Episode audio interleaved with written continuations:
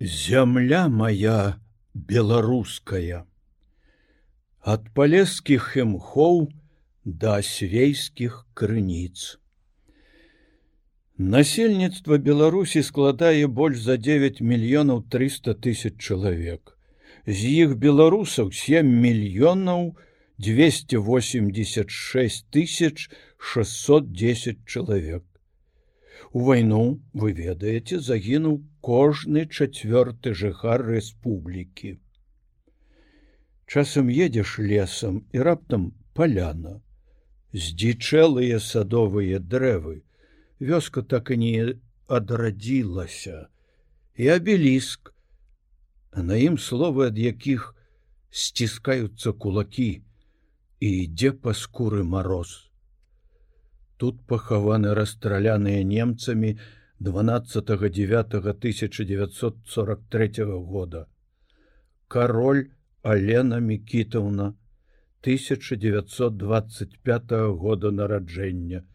Павел 1920 Васіль 1898 Зофія 1892 Владимир 1922 Іван 1924 Мікола 1927 Марыя 1934 Вера 1939 бабуля 70 год Сіневич Антон Валерьянович 1884 і Серафіма Іллінічна 1888 года і іншыя.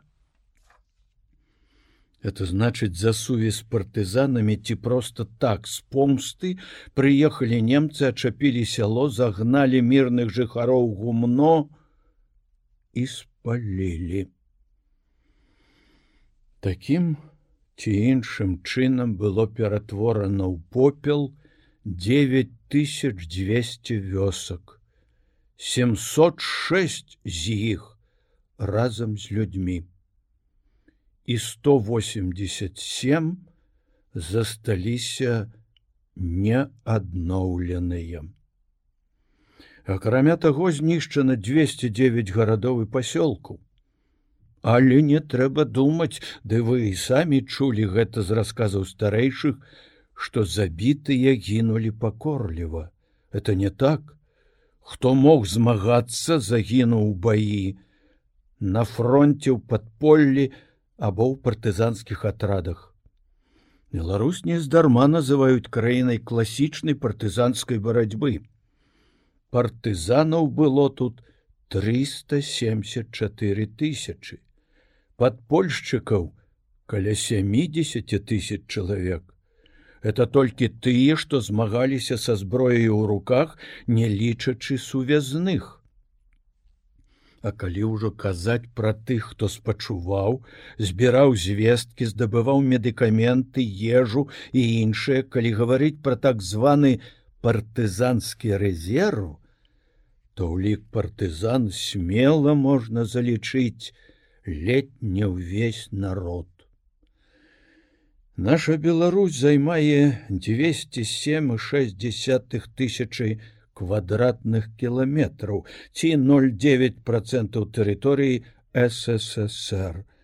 Але гэта больш, чым Балгарыя, больш, чым ЧСР, чым Венгрыя, чым Партугалія, Грэцыя і больш, чым Бельгія, Галандыя, Данія і Люксембург, разам узятыя.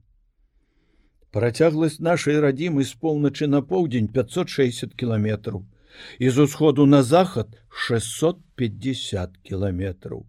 Мяжуе яна з Украінай, рассіяй, Латвіяй, літвою і Польшчай і займае выгоднае геаграфічнае становішча на шляхах заходняй Еўропы на ўсход і з Украіны ў Прыбалтыку.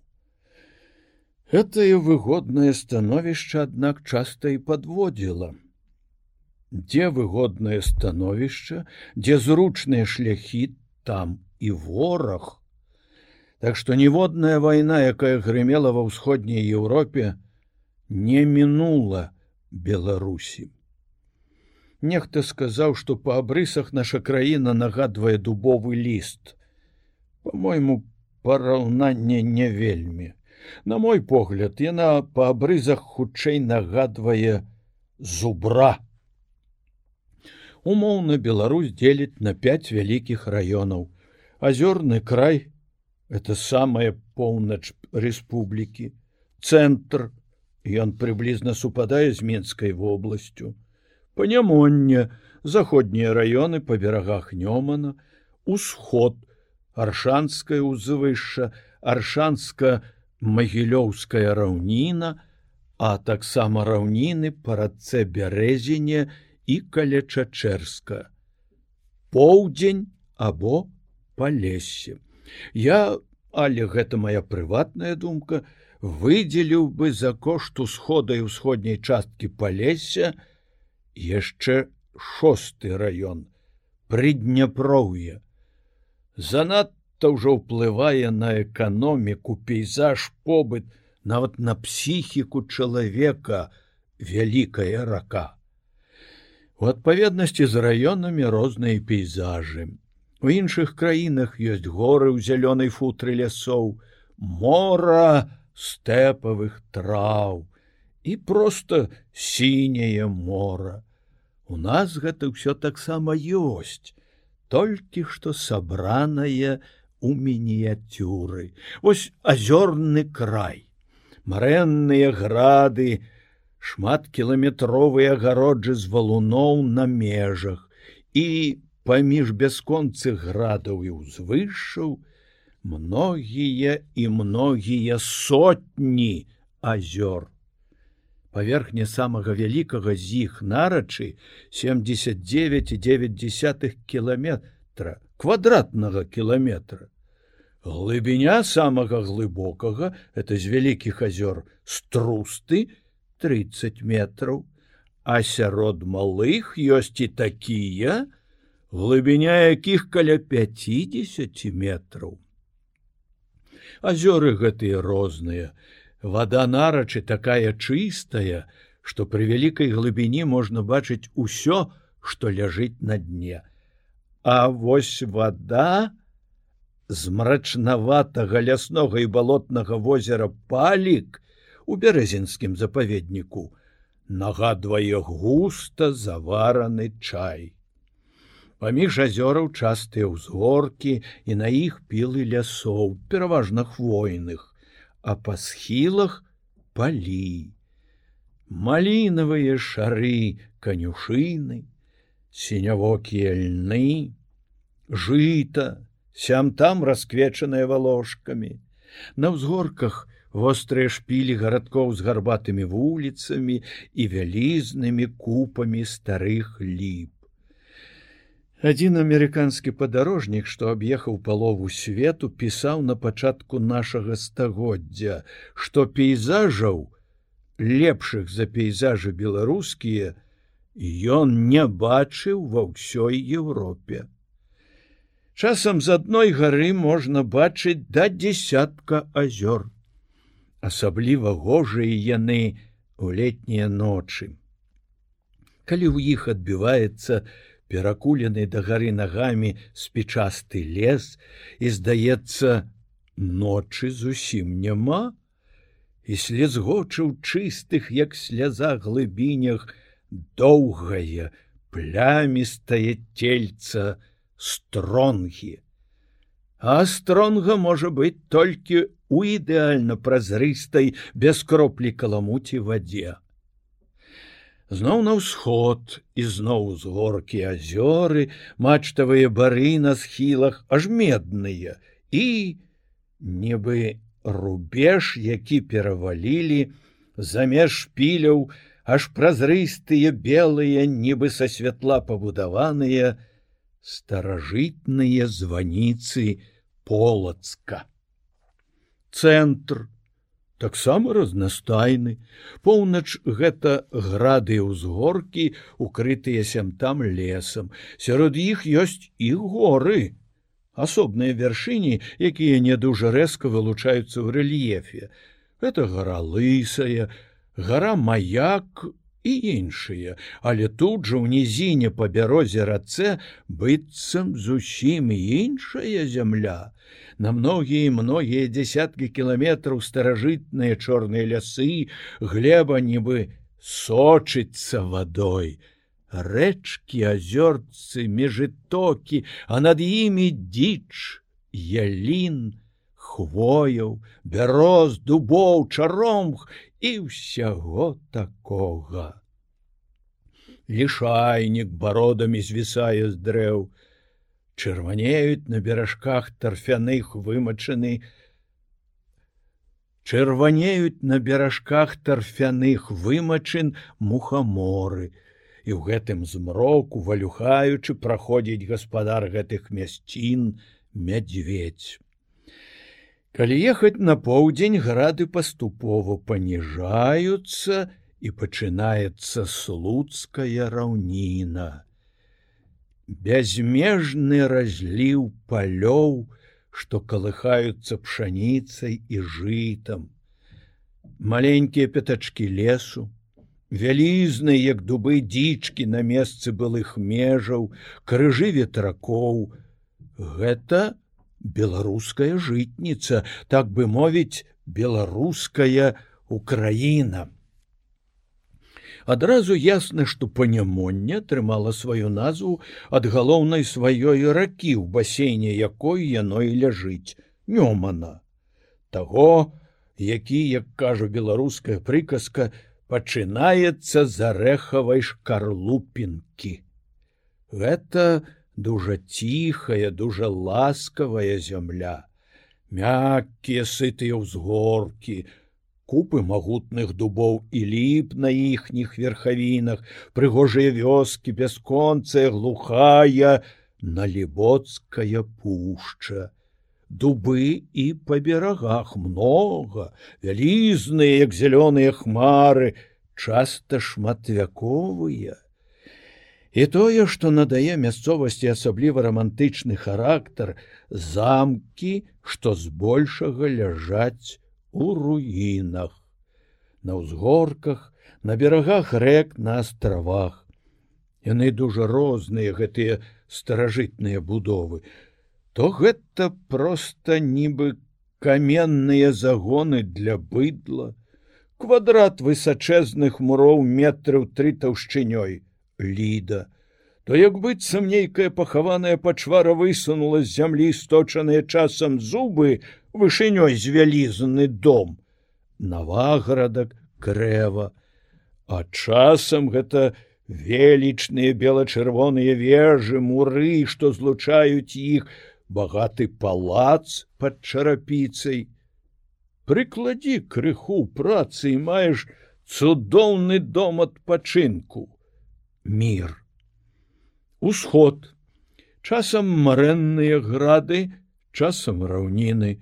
На водападзелах тарфяныя і мохавыя балоты. Дурманіць там галаву багун а журавіны ўвосень збіраюць саўкамі.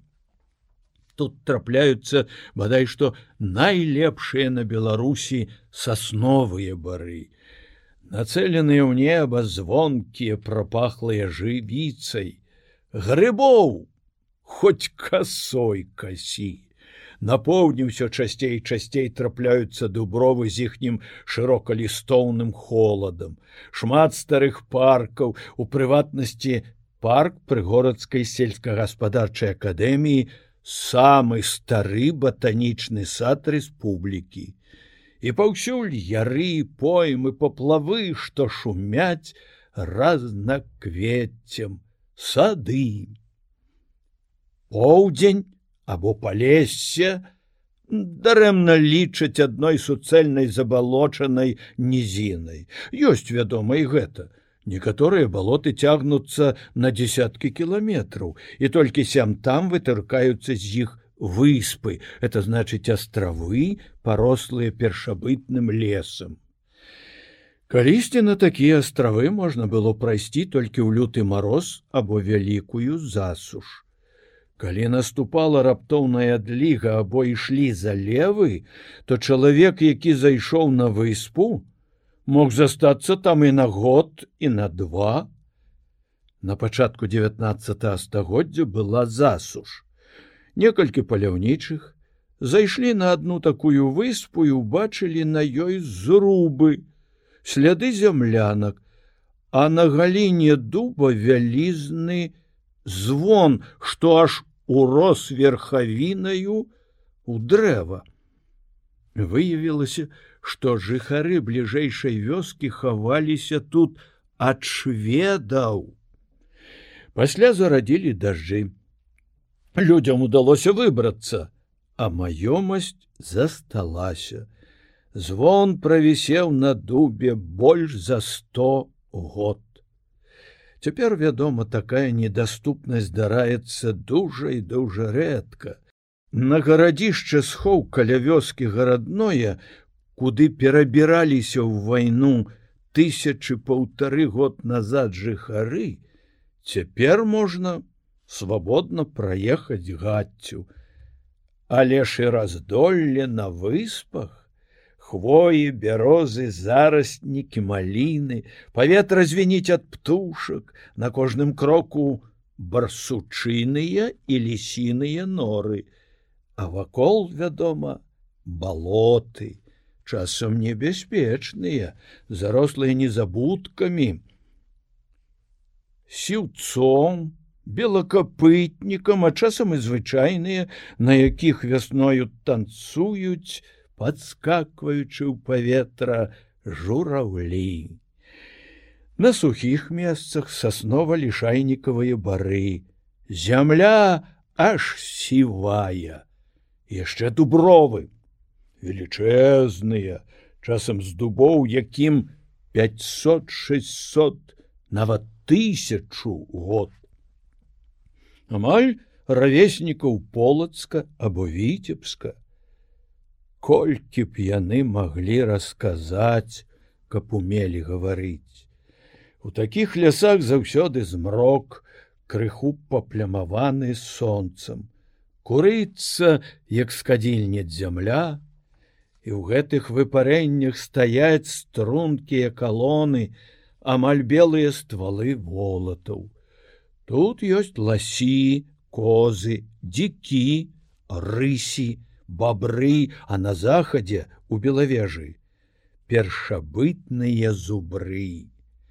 Ёсць тут і малыя пустыні. Высеклі лес, панізіўся ад асушэння ўзровень грунтавых вод і вось пяскі, вырваліся на волю, пачалі крочыць, утвараць барханы, насоўвацца на палі, часам засыпаць балоты. І гэта страшней за балота, бо чалавек можа, даверыўшыся пяску, ступіць і праваліцца. І ніхто нават не даведаецца, дзе ён знік. Менавіта таму з павалам лесу і асушэннем трэба быць дужа-дужа асцярожным. Аб гэтым цяпер усё больш думаюць, засяваючы пяскі травамі, а пасля лесам. Але аб чым думалі яшчэ год 10 назад? Безадказнае асушэнне таксама шкода балота часта не вораг а захавальнік вільгаці. Рэзервуар з'яўлення аблокаў пачатак крыніцы ручаіны ракі. Ёсць тут і паплавы і ўзвышшы з крутымі абрывамі на берагах узвышшы з сухім гонкім морам лясоў яшчэ і зараз падчас паводкі многія вёскі стаяць на астравах або па калена ў вадзе і па вуліцах ходзяць маторкі на якіх возяць вучняў у школу сялян на работу і гэтак далей. А яшчэ нядаўна подаўна ўжо не быў на палесе ў час разліву і таму не ведаю ці ёсць яшчэ такое цяпер. Можна было ўбачыць на гэтай бязмежнай у шырыню на некалькі десяткаў кіламетраў у даўжыню на сотні роўнядзі вады нават плывучы кірмаш. Штук 30 дужа вялікіх чаўноў змацаваных масткамі, сотня меншых і ўсё гэта плыве ад вёскі да вёскі, а пасля да гарадка прадаваць і купляць. Коні касавурацца за борт, ну вас да д'ябла яшчэ патонеш з вами, мыкаюць каровы, крычаць пеўні, вішчаць парсюкі. Лодачнік, які плыве насустрачы, ведае, што вакол на кіламетры вада і раптам чуе з туману такую сімфонію, можа падумаць, што звар'яцеў. Ды што казаць, у 1969 годзе бачыў я на прыпяці такое. Плыву дзве вялізныя лайбы, а ў іх стаіць грузавік. Правыя колы ў адной, левыя ў другой. Дядька вычэрпвае з чаўноў цёмную празрыстую прыпяцкую ваду. Значыць, пераганяюць кудысь. Ёсць два пункты а дарогі між імі ніякай няма. Я ўжо казаў, што выдзеліў бы прыдняпроўе ў асобны раён. І хаця ў географаў такое дзяленне не прынята, я паспрабую гаварыць пра землі над дняпром як пра асобны край. Бо ўся гэтая мясцовасць створана дняпром, і ніжняй часткай яго прытокаў, вся носіць на сабе яго адбітак і разлівы як мора і паплавы з акіянам кветак. Часам чалавек з вудай хаваецца ў іх з рамонкамі смолкамі, шалёнай вясёлкай разнатраўя. І старажытныя гарадзішчы са скарлючанымі дубамі на іх, і гарады і вёскі, што ўзніклі на тых гарадзішчах, і сінія старыцы у цені дубоў на тых жа паплавах, і сотні курганоў, у якіх спачылі продкі, бары народненькім дняпровым пясочку. І зарасці шыпшыны і бэзу на месцы былых паселішч, шумлівыя паркі, броханне вялізнай з вясло рыбы, бабёр, што куляецца в ваду, убачыўшы твой човен, ранішнія слупы пары над ракой. Вогнішча касцоў ля будана, Брэх сабак у начных вёсках, калі праплываеш паўз іх. І галоўнае, далечы роўных, якім не знайсці на зямлі, то снежныя, то шмат каляровыя, то шаломамі стагоў і качкамі, што ўздымаюцца са старыкоў. Як шпакоў гэтых качак. Это пейзаж, але неад'емную частку пейзажу складаюць цяпер нівы. Это не тыя нівы, што на ўкраіне, кубані або цалене бяскрайнія абшары пшаніцы і кукурузы. У нас яны по 5-10 гектараў на поўначы і крыху большае на поўдні. Бульбяное, жытняе і льняное поле. Белыя зорачкі, жоўты сухмень, сінее азерца, а яшчэ малінавая канюшына. Белы россып грэчкі, Залатое мора лубіну ці сланечніку, бледна-зялёныя кучары гароху. Ну і вядома, пашы выганы з каровамі і авечкамі, духмяныя зарасці канопляў, расліны ўцікачоў, бо ў ёй чалавека і сабакам не дагоніш, сабака адразу губляе нюх. У каноплях, у пахучай імгле зацішнай, прытулак знойдзе звер і чалавек у вішны зайчо што ўзнята на гародных градах? Каноплі ад сабак імкнецца без агляду і псам не ўзяць яго у нетрах канапляных. Саб'юцца са слядоў яны в імгле духмянай дваровы там сядзіць у тень густы схаваны, пакуль не адыдзе прыпадак гневу у пана. Давайте цяпер пяройдзем да вёскі, хаты, чалавека. Толькі я хочу папярэдзіць вас, што гэта будзе размова хутчэй этнаграфічная, што много чаго змянілася, што вопратку народную носяць не паўсюль, а толькі месцамі, астраўкамі на палесе, гродзеншчыне прыдняпроўі, што гаспадыні самі цяпер пякуць хлеб нечаста і гэтак далей. Размова пойдзе пра тыповае, пра тое, што розніць побыт беларуса ад побыту, скажем, грузіна, ці ўкраінца.